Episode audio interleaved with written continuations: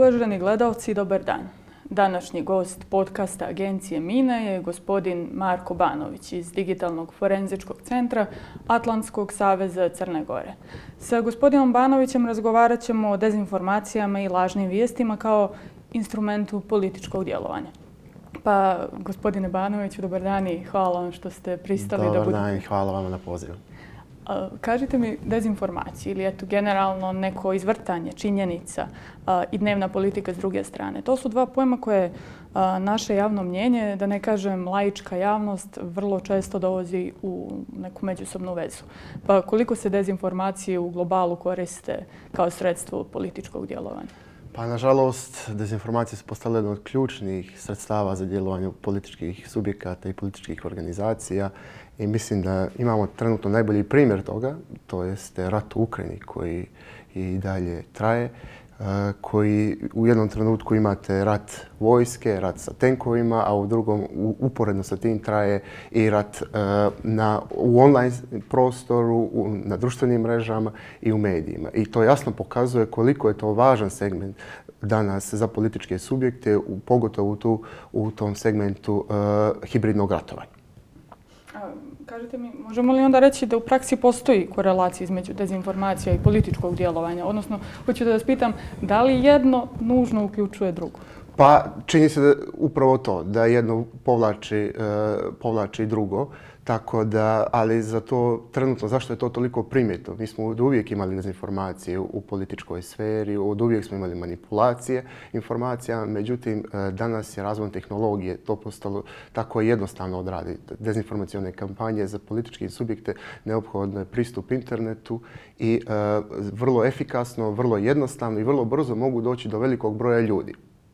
I primjeri nam pokazuju ne samo u našoj zemlji, nego ajde da pogledamo primjere uh, globalne koje smo imali. Od 2014. godine, od aneksije Krima, do 2016. godine predsjedničkih izbora u Americi, Eh, rata u Siriji, Brexit, eh, pa, COVID pandemija, izbori u Americi 2020. godine, sada rat u Ukrajini. svi ti važni momenti bili su praćeni snažnim dezinformacijonim kampanjama. A onda, naravno, možemo se spustiti na lokalni ili regionalni nivo i vidimo šta se dešava i kod nas, da su svaki izbori, izborni procesi praćeni velikim dezinformacijonim kampanjama, da eh, prije ljetne sezone mi imamo dezinformacije koje dolaze van Crne Gore, koji targetiraju e, našu turističku sezonu. Tako da je to jedan vid političkog djelovanja koji je, nažalost, postao standard i u našoj zemlji, i u regionu, ali i na globalnoj političkoj sceni. Prvo to što ste kazali me navodi na sljedeće pitanje. Bih da uvedemo ideološki moment. Pa me zanima da li su određene političke struje sklonije dezinformacijama? Pri tome mislim na tu podjelu desno, centar, lijevo. Ima li nekako je malo sklonija njima? Pa, um, prisutne su kod sve kod političkih subjekta bilo koje orijentacije. Da li je to lijevo, desno ili centralno, sve politički, svi politički subjekti koriste dezinformacije. Međutim, što bih ja nešto istakao, makar što se kod nas izdvaja, kod te malo desne, desnije struje, to jest kod desničarskih organizacija, da su one prilično dobro organizovane u širenju dezinformacijonih kampanja. Da vrlo to dobro e, rade, vrlo efikasno i upečatljivo. I to ostavlja traga. Ono što je za mene zabrinjavajuće jeste retorike koju koriste, koja često zna da obiluje govorom mržnje, a sa jasnim ciljem da radikalizuju i dodatno polarizuju naše društvo. Koliko tome doprinose novi mediji? Ovdje prvenstveno mislim na portale kojima je negdje brzina prioriteta. Brzina nije baš prijatelj istini. Pa upravo to što ste kazali. Nažalost, sve veći i veći broj portala koristi, koji neprestano niču, koristi se za propagandne svrhe, za političke svrhe. Problem je to što ste rekli, ta brzina. Kod nas je veoma malo medijsko tržište i konkurencija je velika i za medije i portale vrlo je značajno da prvi izvace neku informaciju. U tom slučaju, nažalost, istina često strada. Ono što mene ovako malo zabrinjava jeste da upravo to mediji odstupaju od te neke osnovne funkcije, informisanje i edukovanje građana. E, informisanje se zamjenjuje političkom propagandom, a edukovanje se zanemaruje od strane od strane medija i pogotovo takvih portala koji e, ponekad im je ekonomska zavisnost, to jest ekonomski profit ključan, što znači da oni e, trebaju više posjeta na njihovim portalima, više klikova koji donosi novac, a na uštrb toga ide e, kvalitet informacija i ta edukacija građana. E, sad to me dovodi do jednog drugog novog medija, odnosno novih medija. Govorim o društvenim mrežama koje se sve češće koriste od političkih subjekata da samostalno plasiraju informacije. Pa koliko se političke, to jest koliko se e, društvene mreže koriste u tu svrhu? Pa vidimo da sve više, sve više i više i taj trend će se sigurno nastaviti. Možemo pogledati samo kod naših političara da više e, njihova reagovanja ne idu kroz zvanične PR timove političkih partija ili kroz uh, institucije, već su to objave na Facebooku, objave na Twitteru ili nekoj drugoj društvenoj mreži i na taj način se uh, brže, efikasnije obraćaju široj javnosti i mnogo lakše. Tako da je to je sigurno jedan trend koji će se nastaviti. Međutim, mi naravno u, u takvim momentima imamo različite manipulacije, uključujući dezinformacije. E, najbolji primjer je bivši predsjednik Amerike Donald Trump koji je koristio društvene mreže na takav način da su mu svi profili uklonjeni. E, dezinformacije, e, lažne vijesti, teorije zavjere, na različiti način su pokušava da se utiče na javno mnjenje i da se e, ostvari neka e, politička dobit ili eventualno da se naškodi političkom konkurentu. Također treba tu obratiti pažnju i na same društvene mreže. Na primjer, Facebook je e, Donaldu Trumpu držao profil dok je trajala predsjednička kampanja, zato što je Trump sponzorisao, milijone e, dolara ulagao za e, reklame na Facebooku, a onda kada je završena predsjednička kampanja, njegov profil je ugašen. On je u istom intenzitetu širio dezinformacije i tokom izborne kampanje i nakon završetka izbora. Dakle, bio im preći profit nego... Upravo to. Upravo to je problem što i, i e, što se tiče područja, na primjer, Zapadnog Balkana, sada je to donekli regulisano u zapadnim zemljama, u Europskoj uniji i u Americi, mnogo veća kontrola, mnogo više se obraća pažnja na dezinformacije, pogotovo tokom izbornih procesa. Međutim, za ostatak svijeta to je mnogo manja regulacija. To vidimo kod nas sa velikim brojem lažnih vijesti, velikim brojem neautentičnih profila, lažnih profila, botova, koji e, često se pojavljuju pogotovo u tako važnim političkim momentima u našoj zemlji. Da li je da, ajde da kažem, da li su politički akteri, kada šire naravno dezinformacije, da li su skloni da šire dezinformacije u svoju korist ili ipak se koriste ovo što ste vi kazali, koriste se neki zakulisni momenti tipa uvođenje botova, lažnih profila, da bi se nanijela šteta političkom protivniku? Pa to djeluje sinhronizovano. E, obično su politički subjekti pažljivi zato što oni e, ras, njihovim raskinkavanjem dolazi do negativnog publiciteta. Tako da su oni oprezni u širenju dezinformacija na društvenim mrežama. Međutim, upravo zbog toga i postoje neautentični e, profili na društvenim mrežama, botovi, koji upravo služe za to da ši, oni šire dezinformacije tako što bi se nakačile na, e, na post nekog političara ili političke partije i onda da li eh, targetirali političke oponente ili da li širili narativ koji eh, odgovara političkoj partiji. Mi smo zaista, zaista zabilježili veliki broj e, neautentičnih profila u posljednje dvije godine. Imali ste, ako se sjećate, kada se tada, tadašnji mandatar Zdravko Krivokapić kada je objavio da demokratski front neće, neće biti dio ekspertske vlade. Odmah sutra jutra dan se pojavilo na Twitteru, mi smo ih nazvali tri porodice botova zato što su imali ista prezimena i targetirali su predsjednike tada tadašnjeg mandatara Krivokapića. Onda smo imali tokom e, izbora u Nikšiću koji su zaista podigli pre, preveliku pažnju za jedne lokalne izbore, ne samo u Crnoj Gori, već i u regionu. I imali smo koordinisane akcije različitih profila, različitih grupa, na primjer koji tada mi smo zabilježili za demokratski front koji je u isto vrijeme na znači u istom minutu se širi bro, vijesti, postovi, nekad netačne, nekad sa lažne vijesti, pogotovo sa, dolazili su te vijesti sa portala iz Srbije, to jest iz tabloida iz Srbije. I imali smo grupe koje su u istom minutu na uh, desetine i desetine grupa šerovale isti post. Također to se nastavilo i tokom ustoličenja Mitropolita Jonike na Cetin 5. i 6. septembra. Onda kada je počela najava najava e, o mogućoj manjinskoj vladi, pojavila se nova grupa neautentičnih profila na Facebooku, tada jasno stavljajući do znanja da su oni tu da štite interese Eh, bivšeg premijera Zdravka Krivokapića i ministara bliskih njemu. Eh, oni su targetirali, često je tu bilo primjera govora mržnje, targetiranja na nacionalnoj i vjerskoj osnovi eh, a onda sada je ovo opet imamo u pitanju kada je temeljni ugovor, pojavili su se novi profili, novi bot profili koji koriste vještačku inteligenciju za kreiranje fotografija da bi izgledalo što autentičnije i na taj način pokušavaju da podignu, podignu eh, vidljivost postoji, na taj način funkcionišu algoritmi na društvenim mrežama. Što je veći broj interakcija, to, je ljudi, to će više ljudi vidjeti taj post. I na taj način ta mreža, na primjer, to je baš bio primjer, smo nedavno uočili na, na postu građanskog pokreta URA, gdje imate u ovom sekciji Most Relevant Comments, gdje stoji tačno komentari neautentičnih bot profila koji jedni drugima lajkuju i na taj način upravo njihovi komentari koji podržavaju stavove građanskog pokreta URA uh, budu najvidljiviji i podižu jedni drugim pod, gledanost. Upravo to, upravo to. A kažite mi koliko je teško doći do sobstvene armije botova? Pa nije toliko teško, nije toliko teško. Vi imate mogućnosti da kupite profile, mada se je to isto malo teže. Uh, imate uh, načine da vrlo jednostavno napravite uh, this, this face doesn't exist. To je vještačka inteligencija koja kreira sakupljujući podatke, to jest dijelove fotografija svih ljudi na internetu, kreira potpuno novo lice koje ne postoji i jednim klikom vi dobijete, dobijete profilnu sliku, potrebno vam je ime. Nekome treba više vremena, nekome manje, ali, ali to je sve češ, nešto što se sve češće i češće koristi, pogotovo u političke svrhe pomenuli ste malo Crnu Goru. Da li postoji neka specifičnost za Crnu Goru? Jer eto, ne moramo baš da kažemo za Crnu Goru. Ali za ovaj region Zapadnog Balkana.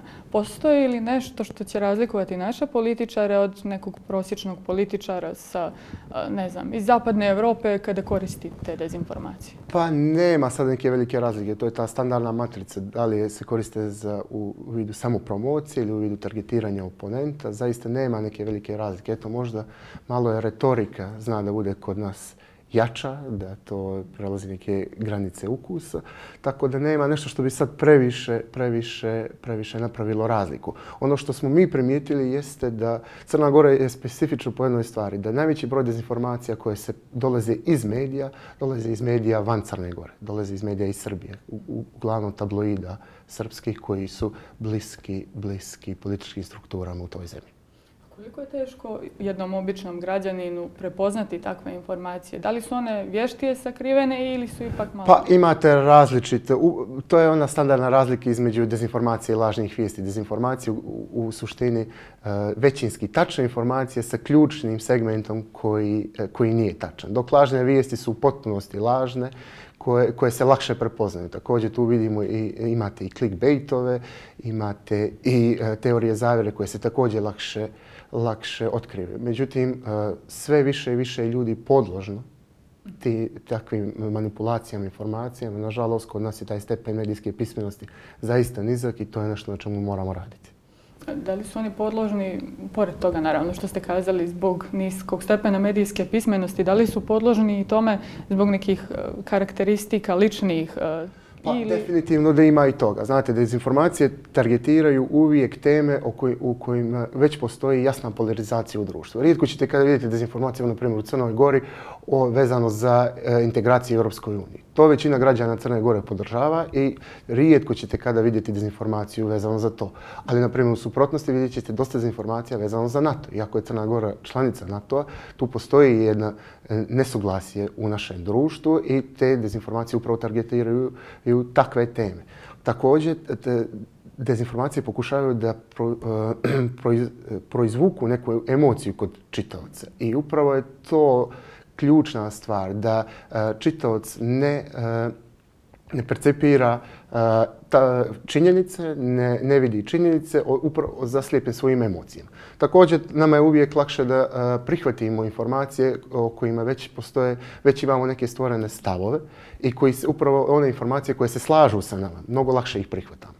Tako da su to te neke tri tri ključne stvari zašto se uz e, uh, manjeg medijske pismenosti, uz jednu dozu neinformisanosti naših građana, koje su prozrokovali da se ta, e, naši građani sve više i više vjeruju u dezinformacije. Također naglasio bih možda i još jednu ključnu stvar, a to jeste manjak povjerenja u društvene institucije. Tu mislim i na državne institucije, da građani jednostavno imaju uh, manjak povjerenja u naše državne institucije, u naše medije i u civilni sektor.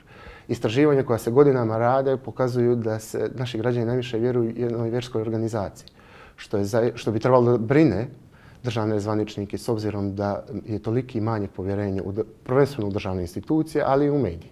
Naše istraživanje eh, koje smo radili ove godine, istraživanje javnog mjenja, pokazuje da, eh, da preko skoro 50 od 100 građana smatra da, poli, da mediji rade u interesu političkih partija, a samo 7,5 od 100 građana smatra da, da mediji rade u interesu građana. Da, da. To je informacija to koja je zaista zabrinjava. Upravo to, upravo to. Ugrožava li to onda sekularnost naše države? Eto, sama činjenica da ljudi više vjeruju... A ne ugrožava samo sekularnost, ali je zabrinjavajuća činjenica da u nijednoj zapadnoj zemlji najviše se upravo vjeruje državnim institucijama. One su temelj države, one treba da vode i e, procese društvene u zemlji.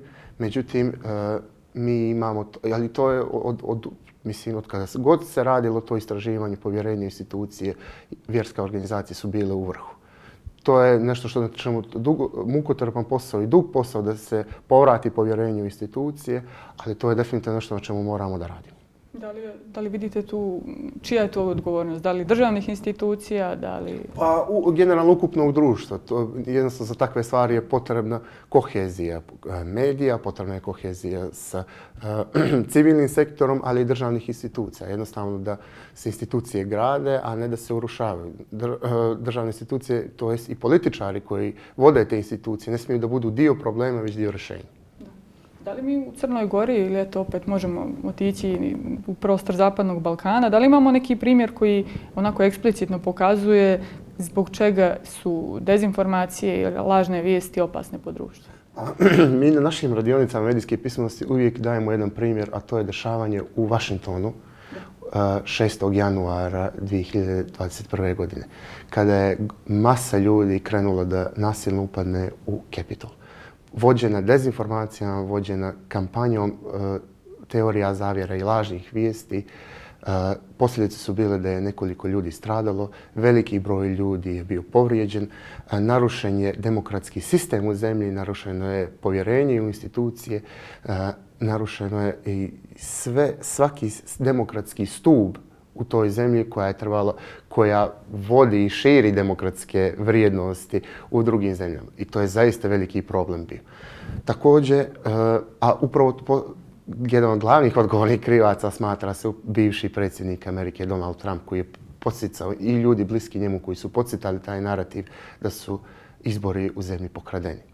To je zaista problematično i vidimo koliko je opasno i koliko e, velike posljedice mogu biti. Mi smo imali sličnu situaciju, no srećom nije bilo e, tragičnih posljedica tokom ustoličenja mitropolita Joannike na Cetinju kada je premijer, naš premijer, tada to je bivši premijer Zdravko Krivokapić, objavio da je na policiju bačen molotovjoj koktel. To je zaista problematično u takvoj jednoj uzavreloj situaciji objaviti jednu takvu dezinformaciju i posljedice su mogli biti tragične. Zanimljivo mi je to što ste pomenuli da je gospodin Donald Trump baš iskoristio jedan narativ koji mi često čujemo i u Crnoj Gore, da su izbori pokradeni. Da li postoji opasnost da ćemo doći i mi u neki slični scenario kao Amerika? Upravo zbog tih narativa, evo vi ste nam jedan primjer dali. Naravno, naravno. Ali upravo to ono što, što sam govorio, da je važno da gradimo institucije, povjerenje u institucije. Ako se naruši povjerenje u izborni proces, u institucije, koje su dio toga procesa, dobit ćemo takve posljedice. Da, mislim, nama inače brzo dolaze izbori. Evo, zakazani su lokalni izbori za oktober. Izborna pobjeda je nešto što bi trebalo da bude jedan od glavnih ciljeva političkog djelovanja. I sad ako u okviru tog političkog djelovanja imamo dezinformacije, onda možemo uzeti u obzir i, i da će cilj tih dezinformacija biti pobjeda na izborima. Moje pitanje za vas je da li, da li se već u ovom periodu prije izborne kampanje, prije početka zvanične izborne kampanje, već krenulo sa dezinformacijama u Crnoj Gori? Pa znate kako, moje mišljenje smo mi u izbornoj kampanji još od Eh, kraja 2019. godine od glasavanja zakona o slobodi vjeroispovijesti. Tada je krenula jedna snažna kampanja priprema za parlamentarne izbore 2020. godine i mi još nismo izašli iz te izborne kampanje. Mi smo konstantno izlazimo iz jednog izbornog ciklusa i ulazimo u drugi. Da li su to parlamentarne, da li su to lokalni I sada ulazimo u novi ciklus koji će možda biti i najveći jer ćemo imati izbo, lokalne izbore u Podgorici, u glavnom gradu, u najvećem gradu, a velika je mogućnost da ćemo imati u isto vrijeme i parlamentarne izbore. Dezinformacije traju od samog početka, od te kraja 2019. godine, tokom protesta Srpske pravoslavne crkve. Imali smo žestoke kampanje dezinformacija i one uh, se smire u jednom periodu. Jedno, e, imamo uh, prazan hod, ali onda se ponovo startuje. Onda smo imali uh, Eh, izbore nakon parlamentarnih izbora 2020. godine, imali smo lokalne izbore u Nikšiću koji su ponovo pokrenuli jedan talas dezinformacija i iz regiona i ovdje u Crnoj Gori. Pa smo imali eh, E, smjenu, to jest kreiranje manjinske vlade, izglasavanje nepovjerenja vladi koje je ponovo destabilizovalo čitav pro, proces. Mislili smo da će ova manjinska vlada donijeti neku političku stabilnost. Nažalost nije. Evo idemo ponovo u novi izborni proces i tako da idemo iz ciklusa u ciklus i to traje, a svaki taj ciklus prate veliki broj dezinformacija, veliki broj lažnih vijesti koji destabilizuju naše društvo, koji polarizuju naše društvo i mi postajemo, bojim se da ćemo postati nefunkcionalno društvo jer ćemo biti podijeljeni po svakom važnom pitanju u zemlji. Ja onda pretpostavljam da vi od ovih narednih izbora očekujete da se intenziviraju kampanje. Da, da, da. Sigurno će početkom septembra već krenuti intenzivnije kampanje. One su već počele već polako primjećujemo razne narative, razne dezinformacije, manipulacije informacijama, nepotpuno informacije i u medijima i na društvenim mrežama i povećanji broj bot profila, neautentičnih, e, lažnih profila, također na društvenim mrežama i mi zaista očekujemo da će se to nastaviti i da će se intenzivirati sve do e, kraja izbornog procesa.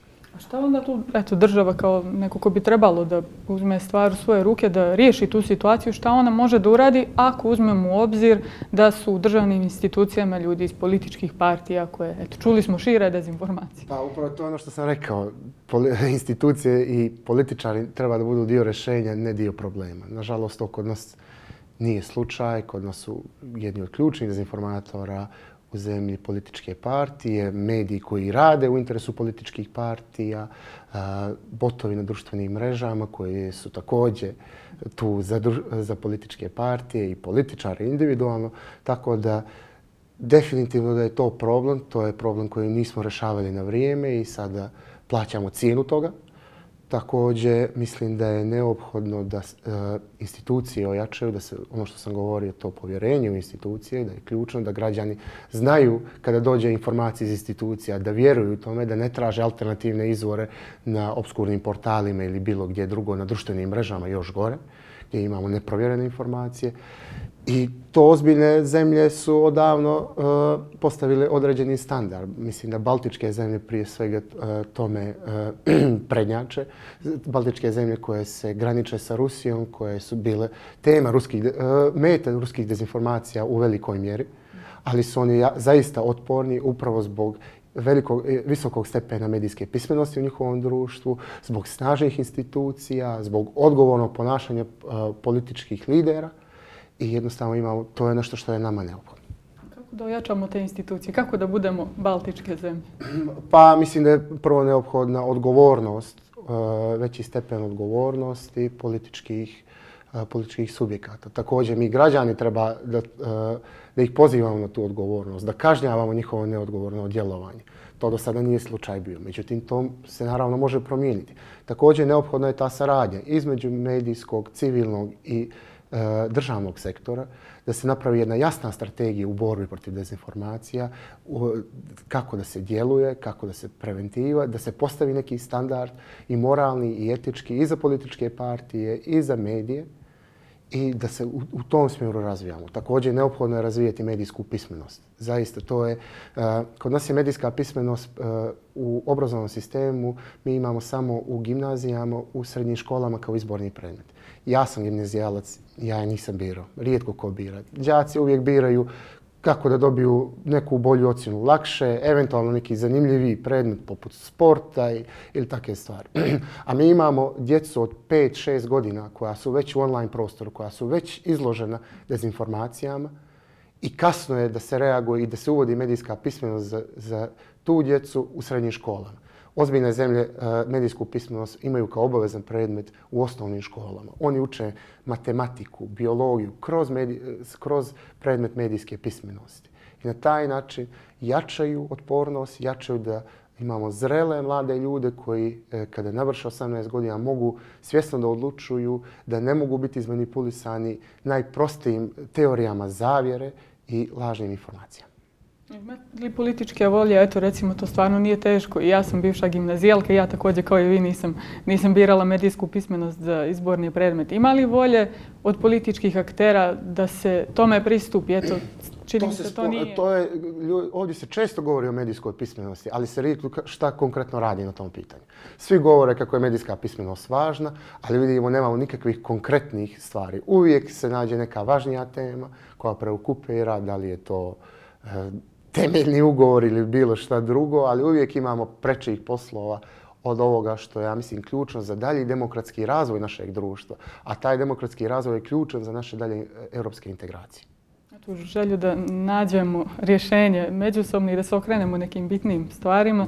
Ostaje mi da se zahvalim još jednom što ste pristali. Hvala vam.